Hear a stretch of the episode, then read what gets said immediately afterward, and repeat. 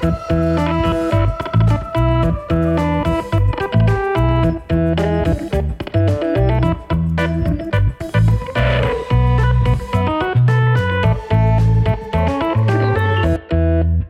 goedemorgen, goedemiddag, goedenavond. Of wanneer je dit ook luistert. En welkom bij de Brief, de podcast over content, marketing en media. Of nog specifieker, welkom bij Briefly, onze thuiswerkerseditie.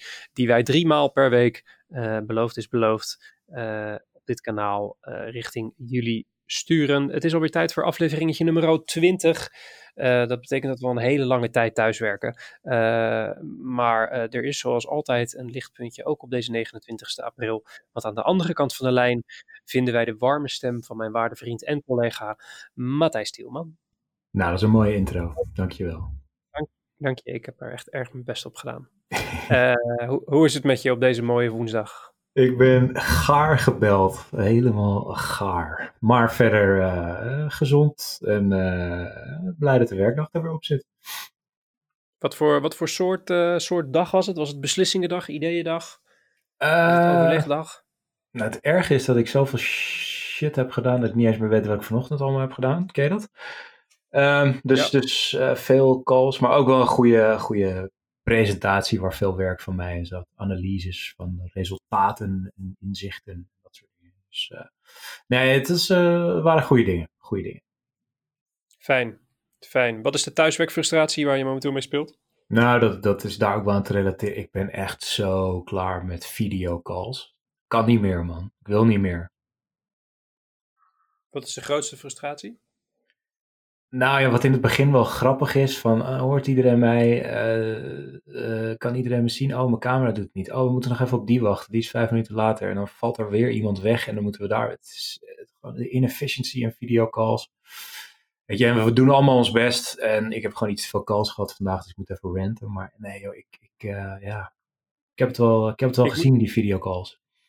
Ik moet wel zeggen dat ik, ik zat uh, net toevallig voordat we deze opname gingen doen in een call waar jij ook in zat. Dus jij hebt dit ook gehoord. En daarin uh, startte uh, een van onze contacten met het roosten van het nieuwe kapsel van een collega van ons.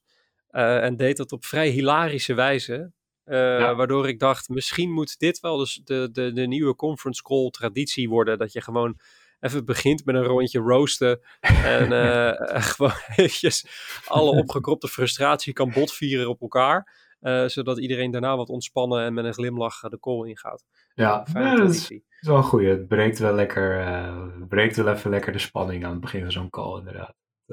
ja. En het zorgt ervoor dat iedereen op tijd is, want je wil de roast horen. Exact. Exact. Ja. Volgens mij, we're on, we're on to something. We're ja. on to something. Ik, uh, ik heb zelf uh, een groeiende haat-liefde verhouding met mijn joggingsbroek. Heb ik besloten vandaag. Je joggingbroek uh, ook met jou, heb ik gehoord. Nou, ik heb, ik, heb, ik heb er letterlijk eentje besteld extra. Omdat ik dacht, ik ga niet gedurende deze tijd maar in twee joggingbroeken lopen. Want ik heb er twee. Dus ik heb er nu drie en die wissel ik een beetje af. En af en toe doe ik, uh, doe ik eens gek en doe ik een normale broek aan. Maar die joggingbroek, ik, hij zit zo lekker en comfortabel. En mm-hmm. niemand ziet het natuurlijk op die camera. Alleen ik ben hem gewoon zat. Gewoon, wat, wat ben je zat dan? Ik, ik hoor alleen maar positieve ook, dingen. Ja, nee, maar het is zeg maar het hele idee dat ik hier, dat ik in zo'n camping smoking hier uh, zit of zo. Ik weet niet dat, ik, ik zie mezelf bijna in de derde persoon. Kijk ik naar mezelf neer en denk ik, gaat verdammen, doe even normaal. Maar dan elke ochtend uh, maak ik ook elke ochtend hetzelfde grapje naar mijn vriendin als ik uit de douche kom. Dan sta ik voor mijn kast en dan doe ik net alsof ik heel lang moet nadenken welke kleding ik aan moet. En dan twijfel ik tussen twee joggingbroeken. Weet je wel, iedere ochtend ook dezelfde, dezelfde stomme grap. Die zij ook ongetwijfeld uh, helemaal zat is. Net als mijn volledige persoon. Maar ja, ze kan toch niet bij me weg, want we mogen niet uit elkaar. Uh, want we mogen niet thuis uit. Maar de, ja, die joggingbroek ben ik gewoon helemaal, helemaal zat. En ja, tegelijkertijd zal ik hem morgenochtend ook wel weer, uh, wel weer aandoen. Maar moet je dan niet dus voor de gein gewoon een, een, dag je pak aandoen of zo? Gewoon eventjes de, de, cyclus doorbreken. Gewoon, uh, ik heb al een korte broek. Uh, ik had een korte broek besteld met een luipaardprintje. Het is echt waar. Die heb ik cadeau gekregen van mijn vriendin. Volg Mark op Instagram en je kan het allemaal zien, jongens. Ik heb hem dus wel gewoon een dagje heb ik hem aangehad toen het zo lekker weer was. Dat was wel een welkome afwisseling, moet ik zeggen. Ja. Uh, dus misschien dat het morgen wel gewoon driedelig wordt. Ja, wie zal het zeggen? Ja. puur, puur voor de afwisseling. mocht je nou zitten te luisteren en denken, ik heb ook een thuiswerkfrustratie, deel die dan via hashtag thuiswerkfrustratie via Twitter of LinkedIn. of stuur hem even in een DM'tje naar um, @markschones of @subtielman en dan um, lezen we hem misschien op in de aflevering. We hadden er dit keer geen ingestuurd gekregen, maar dan weet u dat dat kan. Matthijs, het eerste onderdeel van onze mooie show, de beste content die jij in de afgelopen tijd hebt gezien. Ja, een uh, artikeltje op de correspondent van uh, ja, stiekem toch wel mijn favoriete correspondent, Michiel de Hoog. schrijft veel alleen maar over sport eigenlijk, maar vanuit een, een hele interessante, behoorlijk data-gedreven invalshoek. Dus, dus dat is waarschijnlijk waarom hij mij zo weet te boeien met sport en dit soort data. En ehm, ja, zijn laatste artikel uh, heet De mysterieuze speler die uit het niets international werd, mede dankzij een extreem volhardende vader. Gaat over voetballer Jamie Lawrence. En eigenlijk gedurende zijn hele carrière haalde deze jongen het net niet. Eh, in de jeugd was hij heel goed, heel dominant. En op een bepaald punt kon hij ineens niet meer meekomen. En zijn vader had toen gelezen over het age bias effect.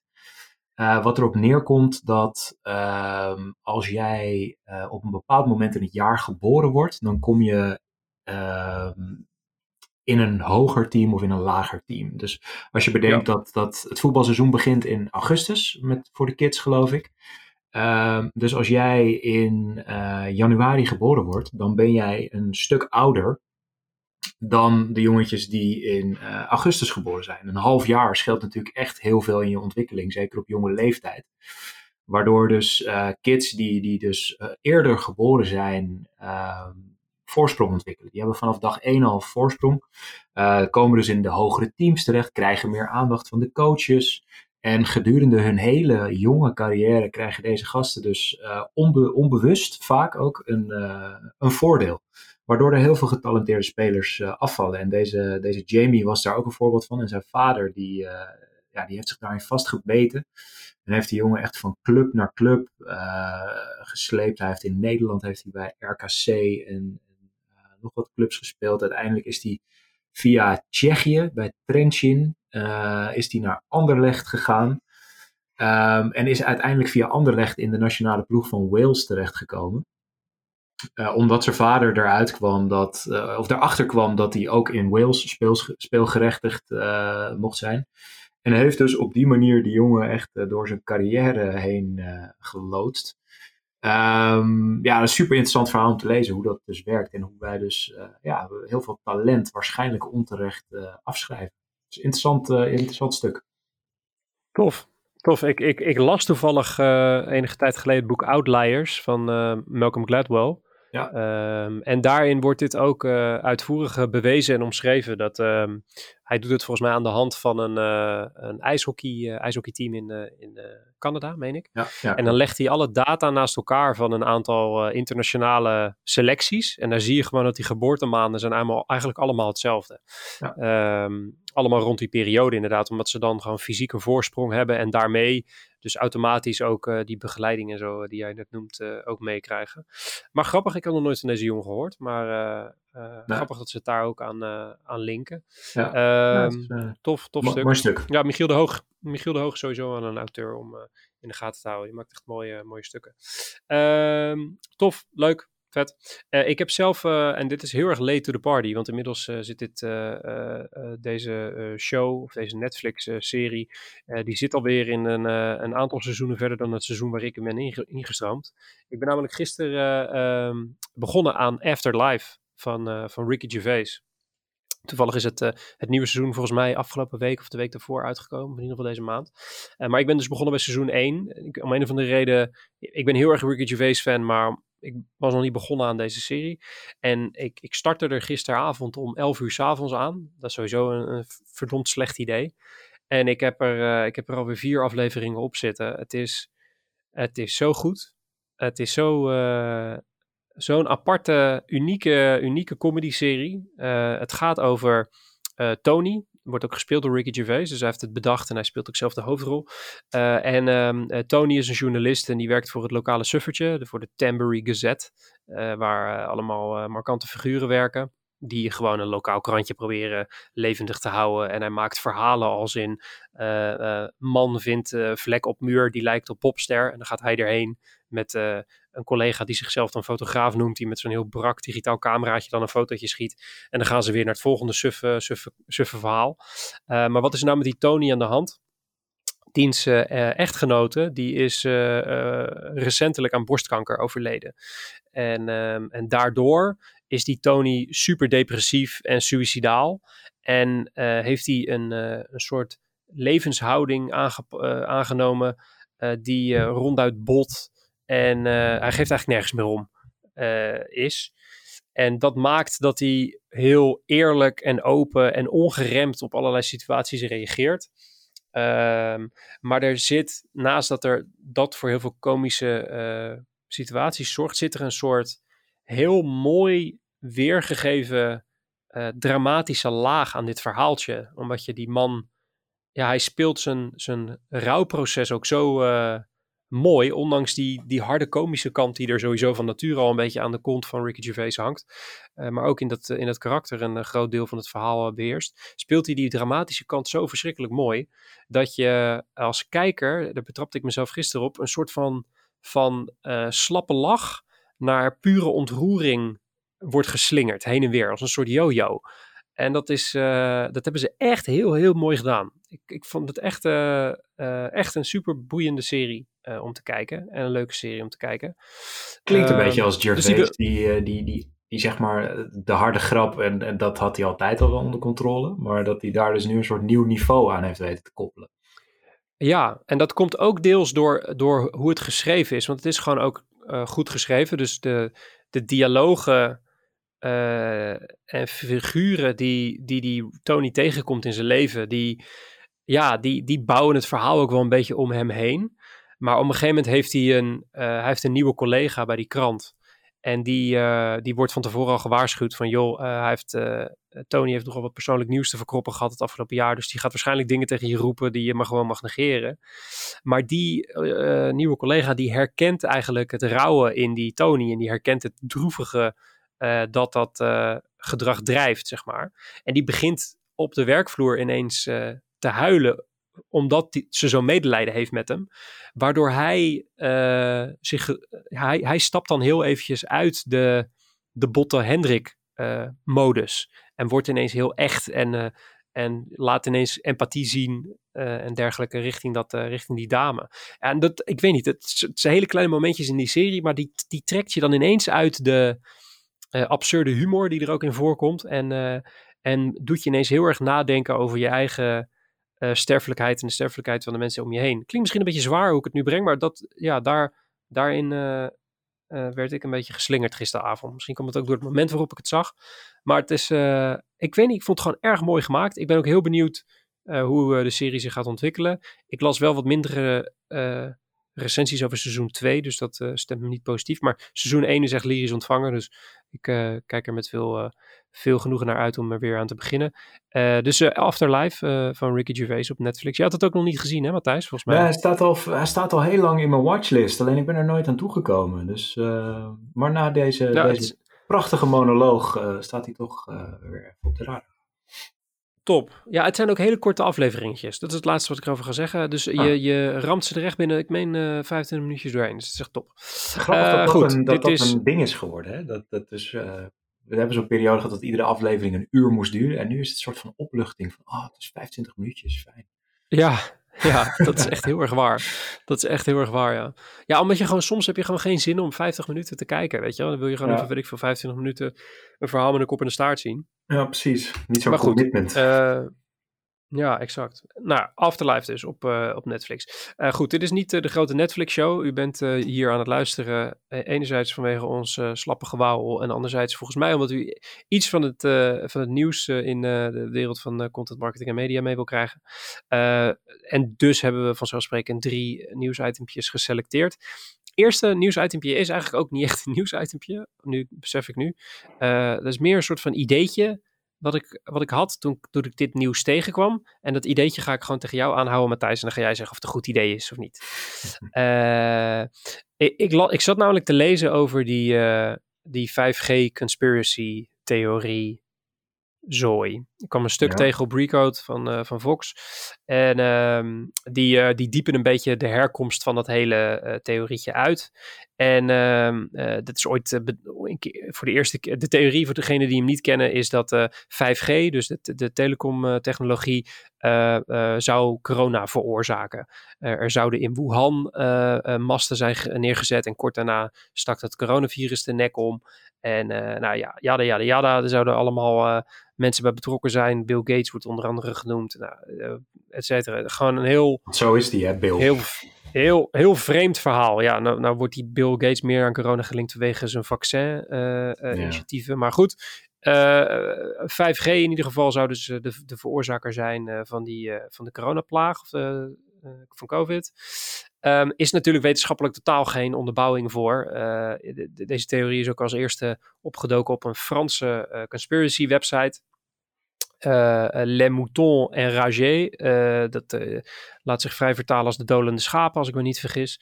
Um, goed, die theorie gaat dus helemaal nergens over. En het stuk op Fox, waar ik naar refereer, diept eigenlijk uit hoe die theorie van best wel niche en best wel aluminium hoedjesniveau is uitgegroeid tot best wel een, een breed verspreid gerucht. met als uiteindelijk het meest bizarre resultaat dat er hier zelfs in Europa en in Nederland mensen uh, telecommasten waar niet eens 5G doorheen gaat, uh, in de fik steken. Ja. Uh, omdat ze bang zijn dat daar coronavirus vanaf straalt op een of andere vreemde manier. Ja. Um, dat is dus best wel een ernstig, een ernstig gerucht, wat ook nog eens Kijk, het is best wel grappig om uh, zo'n idioot met zo'n jerrycan op een, zo'n krakerig beveiligingsbeeld naar zo'n mast te zien lopen ergens in Oost-Groningen. Uh, en hem zo klungelig zien proberen om met een, uh, een liter benzine zo'n ding in de hens te steken. maar die masten die worden best wel ernstig beschadigd. En dat heeft als resultaat dat heel veel regulier telecomverkeer, dus onder andere telefoontjes eh, van de politie, communicatielijnen naar de brandweer, de ambulance, et cetera, zorgdiensten, nooddiensten, die komen daardoor in gedrang. Dus het is best wel een ernstig probleem. Nou, toen zat ik te denken, want ik had natuurlijk een ideetje, zo plot ik dit of zo vreemde ik dit een beetje. Um, je hebt natuurlijk de grote platformen die hier iets tegen proberen te doen. Facebook, Google, et cetera. Die proberen dit soort dingen via allerlei manieren uit de lucht te halen. Uh, maar volgens mij kan je dit op lokaal niveau ook best wel goed uh, doen. Een soort, ik zat een beetje te denken aan een soort Sieren 2.0, die op korte termijn inhaakachtige campagnes bedenkt tegen fake news geruchten. En die op uh, massamedia uitzenden. Uh, ik zat een beetje te kijken naar het werk van Sieren. En die, die, die, dat, dat werk draait natuurlijk, en dat hebben we ook al eerder een keertje besproken met een van de mensen van Sieren natuurlijk in deze show dat Syrië zich met name richt op grote maatschappelijke issues. Maar fake news is natuurlijk ook best wel een maatschappelijk issue. Met best wel grote gevolgen in sommige uh, gevallen. En ik denk ergens dat een, een korte media blast met een, een goed doordachte, her, uh, herkenbare inhaakcampagne, die de boodschap meteen in de kiem smoort, best wel eens effectief zou kunnen zijn tegen de verspreiding van zo'n virus. Of zo'n, van zo'n gerucht. Um, dus daar zat ik een beetje over te denken van moet, moet Sieren of wellicht een andere soort brancheorganisatie van reclame- en mediabureaus uh, dit niet optuigen en zeggen joh wij als communicatieprofessionals uh, gaan ondersteund door eventueel uh, wetenschappelijke of journalistieke instituten dit zo snel mogelijk massaal richting de mensen monddood maken zo'n gerucht. En natuurlijk doet de journalistiek dat natuurlijk al met fact-checking en dat soort, dat soort gekkigheid. Maar ik denk dat een wat reclamischere aanpak uh, best wel goed zou kunnen werken. Uh, dat. Dat, is dat was mijn ideetje. Is dat een ideetje? Nou ja, kijk, het is een, een, een pleister op de wonden. Um, kijk, mensen die in dit soort shit willen geloven, die ga je niet zo gauw tegenhouden. Weet je, wel? Je, hebt, je hebt natuurlijk gewoon een groepje mensen, en, en inderdaad, je noemde ze net al de aluhoedjes, uh, die gewoon, ja, die, die zijn een beetje bang, die, die willen, uh, hoe zeg je dat? Uh, die, die geloven gewoon dat dit een bedreiging is. Uh, of dat nou gefundeerd of ongefundeerd is. En, en die verander je niet zomaar van mening, omdat alles wat een, een dus, nou ja, dat zullen zij ongetwijfeld klassificeren als de overheid of, of part of the conspiracy. Um, dat gaat weer leggen. Kijk, wat je wel doet, is dat je uh, de mensen die niet in dit groepje zitten gewoon gaat bewapenen met argumentatie rondom het onderwerp. Waardoor er minder mensen hopelijk in dat clubje terecht willen of gaan komen. Dus daarmee... Ja, want weet je... Weet, weet je wat ik namelijk denk? Is dat die mensen die hierin willen geloven, die geloven dit wel en die verspreiden het ook. Die ga je niet over. Als iemand dit echt gelooft, dan die ga je niet overtuigen, want die zijn gewoon een beetje gek. Alleen er heerst gewoon, er, er hangt volgens mij een best wel aanzienlijke grote massa tegenaan die denkt, eh, zit misschien wel wat in. Terwijl er zit niks in, er is geen wetenschappelijk bewijs voor. Het is gewoon bullshit. Dus die mensen moet je volgens mij vangen voordat ze gepakt worden door een van die schimmige argumenten. Ik moest een beetje denken aan uh, toen uh, dat uh, de coronavirus net begon en we net allemaal thuis moesten gaan zitten, had je ineens die run op het toiletpapier. Ja. En toen zat ik naar het NOS-journaal te kijken en toen hadden ze een foxpopje bij een meneer, die waarschijnlijk ook niet beter weest. En die, die vroegen ze, bent u bang dat, dat het opraakt? Nou ja, nee, ja, niet echt bang, zei die man toen. Maar ja, goed, iedereen doet het. Dus ja. toch maar voor de zekerheid. En dat zijn volgens mij, de, dat is volgens mij de groep mensen die door de die door, soort, door, dit soort geruchten een soort gaan twijfelen aan wat gewoon de, de, waarheid is. En die je volgens mij met een krachtige boodschap, uh, die op grote schaal en korte termijn uh, verspreidt, uh, best wel zou kunnen overtuigen en een soort van uit, uit de verwarring kan, kan schudden of zo. Misschien is het een beetje nobel streven of zoiets. Maar ik dacht, ja. als, als de werkwijze van Sieren, zeg maar de Stichting Ideële Reclame, uh, schuurt best wel tegen dit doel aan. Alleen de werkwijze is anders. Want je, zij diepen die maatschappelijke thema's uit. En, en uh, uh, nou goed, hebben we het met de dame kwestie natuurlijk al heel lang over gehad. In, in die vorige show. Alleen, ja, ik dacht misschien dat een wat kortere klap aanpak. Dus gewoon het signaleren van fake news. En dan de handen ineens slaan, campagnetje eruit, boom. En, en klaar ben je. Ik denk dat dat misschien best wel goed kan werken of zo. Nou, kijk, je zou dat dan eigenlijk in samenwerking met Facebook moeten doen. Zeg maar. Dus dat, dat uh, nou ja, laten we ervan uitgaan, iemand die, die post op Facebook, want dat gebeurt vaak via Facebook, dit soort uh, onzin. Um, en Facebook zou dan op een gegeven moment moeten signaleren, dit is fake news. En dat vervolgens iedereen die dat ding gezien heeft, ook een boodschap te zien gaat krijgen, gegarandeerd, met daarin de juiste feiten. Maar dit doen, ze, dit doen ze volgens mij, dit doen ze al. Dit doen ze al. Volgens mij moet je ook meer. Nee, nee het enige wat zij doen is, uh, zij laten je zien van deze boodschap was waarschijnlijk niet echt. Maar mensen worden niet geconfronteerd met, met de feiten. Dus je zou bijna moeten zeggen: ja, van, jij hebt een fake news ding gezien, dus jij gaat nu geforceerd deze video vol met feiten uitkijken. Um, en dan ja. weer, weer lekker browsen. Ja, ik dacht misschien meer, weet je wel, koop de, uh, de restruimte in, de, in, in out-of-home advertising, zet die hiervoor in en, uh, en de vulletjes op televisie en nou ja, ik weet niet. Dit ja, maar dan ben je best wel ver van de bron. Je bent best wel ver van de bron dan. Kijk, de bron is, is Facebook, Facebook groepen en, en al dat soort dingen. Ja, en... ja, maar je moet volgens mij niet, je moet volgens mij niet, die bron die blijft wel bestaan. Dus, dus volgens mij wat je moet doen is die mensen die dat hebben gezien, die bij die bron zijn geweest, op andere plekken met andere informatie uh, overtuigen van het feit dat het dat niet klopt. Dat, dat was eigenlijk mijn ideetje.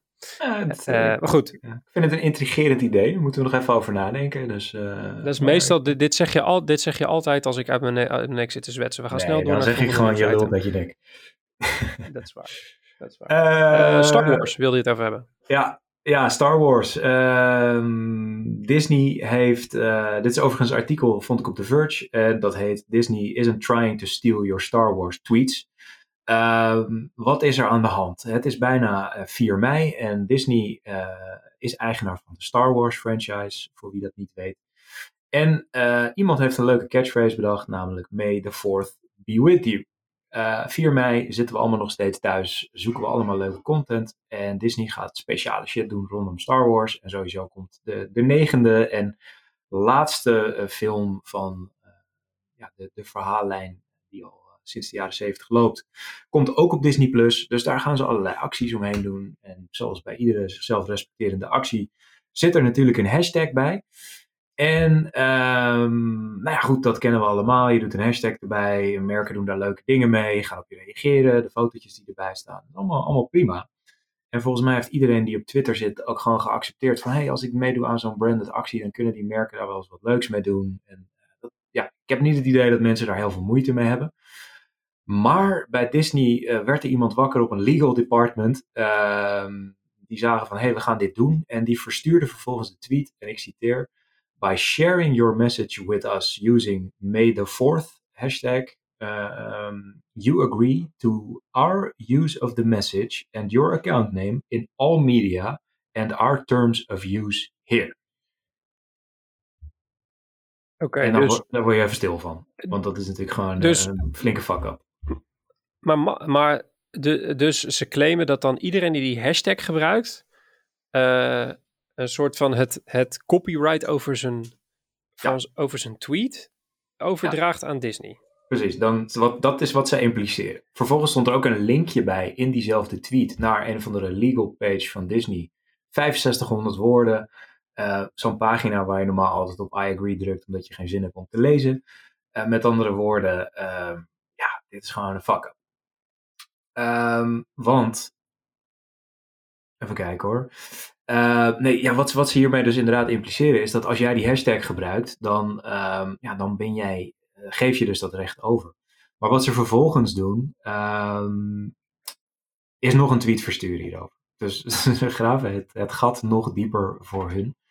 Ehm, en er staat dus, die, in die tweet stond, uh, the above legal language applies only to replies to this tweet using May the 4th uh, and mentioning Disney+. Plus.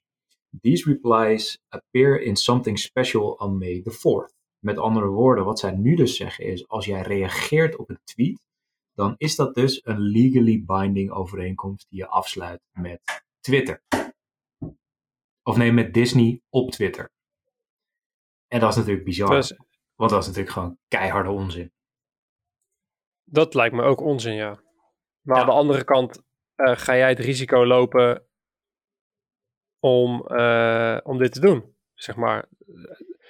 Nou Ja, zeg maar, ga, je, nee. ga je het risico lopen om een, om een eh, eventuele rechtszaak aan te gaan met de mensen die dit hebben bedacht. Het, het klinkt inderdaad gewoon als een slip-up van iemand bij een, op een legal department. Ja. Die, ja, maar wat is, er- is er al een uitkomst of is dit nu aan de gang? Nee, de uitkomst is, is dat het gewoon niet waar is. Als jij op Twitter dit doet, dan, dan ga jij een overeenkomst aan met Twitter en niet met Disney, omdat jij een bepaalde hashtag gebruikt. Dus, dus volgens Nee, mij is het wel zo dat, dat in al die overeenkomsten staat dat alle content die jij daar post op dat moment door Twitter of Facebook of Instagram gebruikt mag worden in allerlei eh, promotionele activiteiten. Ehm, maar nee, dit, dit mag gewoon niet. En dit is denk ik zo'n klassiek geval van een, een overijverige, overijverige jurist die, eh, die wakker schrok. En vervolgens eh, toegang heeft gekregen tot een Twitter-account. En op, de, op die manier gewoon de tent in de fik heeft gezet op deze manier. Want heel Twitter eh, gaat hier natuurlijk ook hard op. En ja, het is ook gewoon onzin. Je, ja, je zou verwachten van iemand die, wiens werk dit is, dat hij dit ook wel snappen. En, en ja, het is ook gewoon, je stelt je meteen weer op als zo'n corporate asshole, zeg maar, die, eh, die dan met de content van anderen er vandoor wil gaan. Weet je, je kan toch ook mensen die hele vette shit maken met deze hashtag, wat Star Wars fans ongetwijfeld gaan doen, weet je. Benader die mensen, zeg van, hé, hey, ik vond dat je het zo vet hebt gedaan, eh, mogen wij jouw foto gebruiken in die en die actie, en dan krijg je, weet ik veel, een jaar lang gratis toegang tot een van die parken. Of, I don't know what, weet je, dan, dan maak je er iets positiefs van. En door dit soort legalese eraan toe, toe te voegen, ja, duw je mensen alleen maar van je af. Dat is natuurlijk gewoon super schadelijk. Ja. Ja, het haalt de magie er een beetje uit, ja. Dat is wel waar. Ja. Ja, waarschijnlijk is het gewoon, hebben ze gewoon bedacht, nou dan hebben we het alvast geregeld. Maar het, het straalt natuurlijk op een hele rare manier, eh, rare manier af. Eh, ben je een beetje Star Wars fan trouwens? Eh, ik vind het leuk, maar niet echt een fan. Ik heb wel alle films gezien, maar ik, ik leef die shit niet. Jij wel? Oké. Ja, ik ben wel fan, ja. Ik ben wel fan. Ik moet zeggen dat ik eh, na die, eh, die drie verschrikkelijke, eh, die we niet eens bij de naam gaan noemen, was ik er even klaar mee. Maar ik moet zeggen dat het wel heel knap is hoe ze die saga weer hebben bijgestuurd. Ja. Ja, die laatste drie dus zijn ik ben mooi. Geen, ja, het zijn, ja, ja, het zit ja, en mooi aangepast op de tijdsgeest ook. Ik vind wel mooi hoe ze dat, hoe ze dat doen. Ze gewoon bepaalde karakters, vrouwen in de hoofdrol, weet je, wel, dat, dat weten ze eh, op een best wel een natuurlijke wijze te, te doen. Terwijl je normaal bij, bij dit soort, soort van legacy titels krijg je daar altijd gezeik mee. Weet je, is er altijd ophef als er maar eh, iets veranderd wordt. En als je kijkt naar hoe die serie is veranderd, is best wel, is best wel knap. Dat best wel, Ja. best wel knap gedaan. Eh, en mooi gemaakt ook. Zeker. Ehm, Goed, goed, goed. Uh, het derde nieuwsitem. Ja, ik had meer een beetje alle nieuwsitems op een hoop gegooid waar ik een beetje klaar mee was. Je merkt, het is een beetje. Ik heb morgen mijn vrije dag, dus ik, ik, ik heb al mijn frustratie opgebouwd naar dit moment. Is uh, dat ik, ik word die artikelen zo zat, die draaien om het gaat nooit meer hetzelfde zijn voor marketeers en merken na coronatijd. En dingen die nooit meer hetzelfde zullen zijn. En dingen die je nu als merk of sector moet doen. En de grootste kaalslag ooit komt eraan. Allemaal dat soort ja, Nostradamus-achtige doemdenkerij. allemaal energie gestoken in van die grote, grote woorden. daar ben ik gewoon helemaal klaar mee. En daar wil ik gewoon even met je over babbelen. Uh, het, het, absolute dieptepunt, of hoogtepunt, is maar net hoe je het ziet van dit hele gedoe, was dat ik op LinkedIn iemand tegenkwam die, uh, uh, die drie jaar geleden had voorspeld dat de, de krant Metro zou verdwijnen. En die kwam nu, aangezien de krant sinds vorige week niet meer op papier verschijnt, of tenminste is aangekondigd dat hij niet meer terugkomt op papier, nu daar een soort van trots dat melden op LinkedIn. Van ik, heb het, ik, ik zei het drie jaar geleden al en nu is het zover. En daarbij natuurlijk totaal voorbij ging aan het feit dat we nu in een coronacrisis zitten en Metro een openbaar vervoerkrant is en er dus geen hond meer in het openbaar vervoer zit. Maar gewoon die, die, die luchtfietserij en die, die, nou ja goed wat ik zeg, die, die Nostradamus-achtige types die claimen dat ze de waarheid in pacht hebben en, en zeggen dat alles maar aan het einde van deze crisis uh, uh, niet meer hetzelfde gaat zijn. Ja, ik ben er gewoon een beetje, een beetje klaar mee.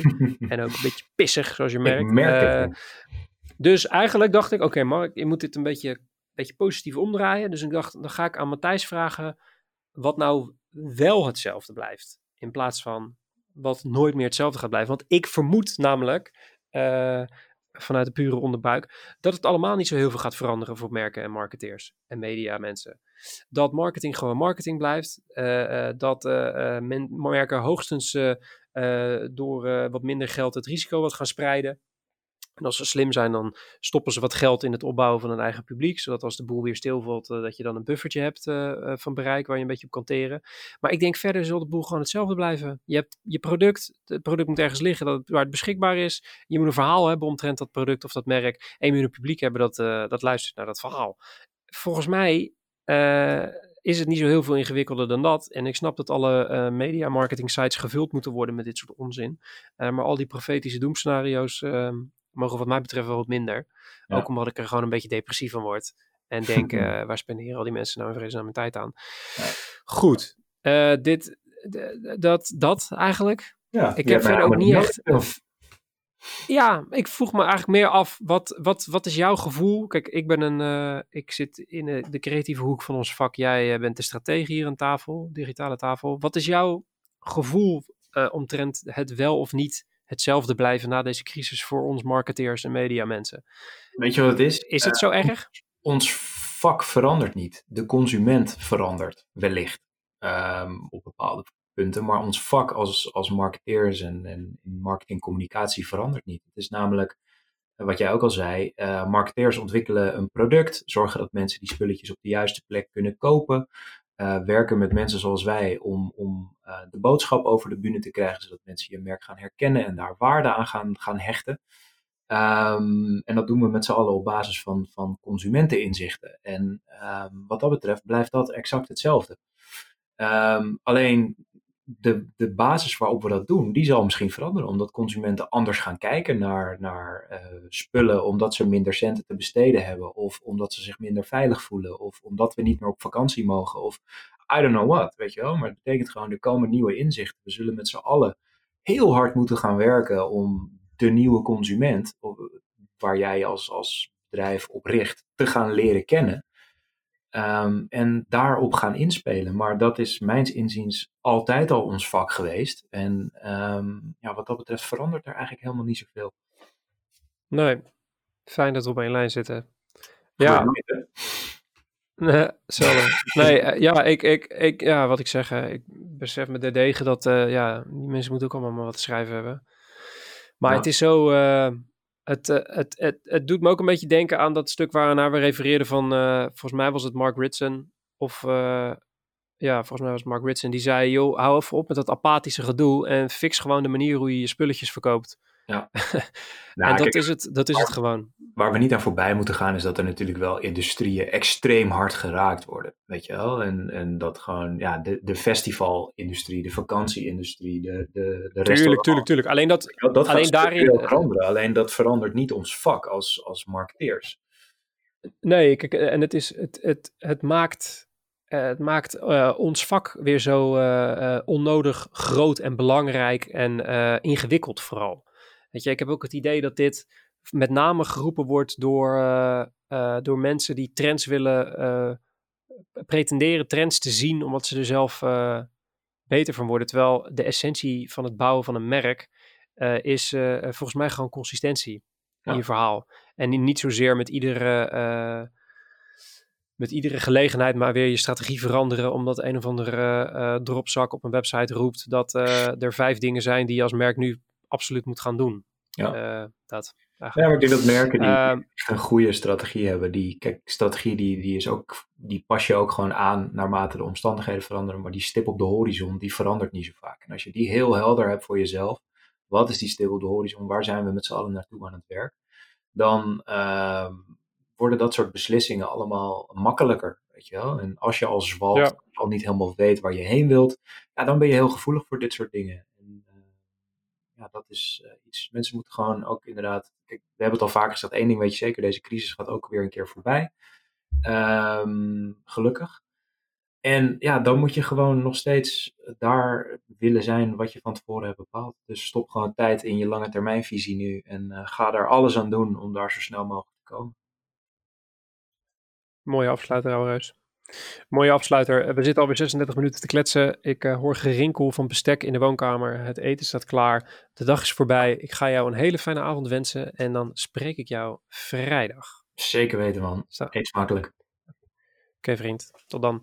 Uh, mocht je nou iets hebben gehoord in deze aflevering waarvan je zegt, dat vind ik interessant, daar wil ik meer over weten. Dat kan je dan allemaal vinden in de show notes. Dus alle referenties die we doen, die zetten we in de beschrijving van deze aflevering. Vaak zijn linkjes daar niet klikbaar. In sommige apps, dus Spotify bijvoorbeeld niet. Um, daarom hebben we een nieuwsbrief in het leven geroepen waarin we alle linkjes uh, en show notes um, uh, netjes in een mailtje knallen. Dus dan heb je zowel een aankondiging van het feit dat er een nieuwe aflevering voor je klaar staat, als mede ook de show notes handig op een rijtje en klikbaar en als naslag ik vind het persoonlijk heel handig, uh, misschien jij ook. Um, schrijf je daarvoor in uh, op wayneparkerkent.com slash briefly of het linkje in de beschrijving van deze aflevering. Goed, uh, dat was hem voor vandaag. De Brief en Briefly worden gemaakt door Wayne Parker Kent. Productie wordt op afstand gedaan door de onvolprezen Björn Zwagerman. Redactie eveneens door de onvolprezen Hanneke Stuy. Dank daarvoor. De volgende aflevering is komende vrijdag. Tot die tijd, blijf gezond, blijf vooral binnen. Bedankt voor het luisteren. Mijn naam is Mark Schoones. Als je nog even moet, werk ze vandaag en anders nog een hele fijne avond.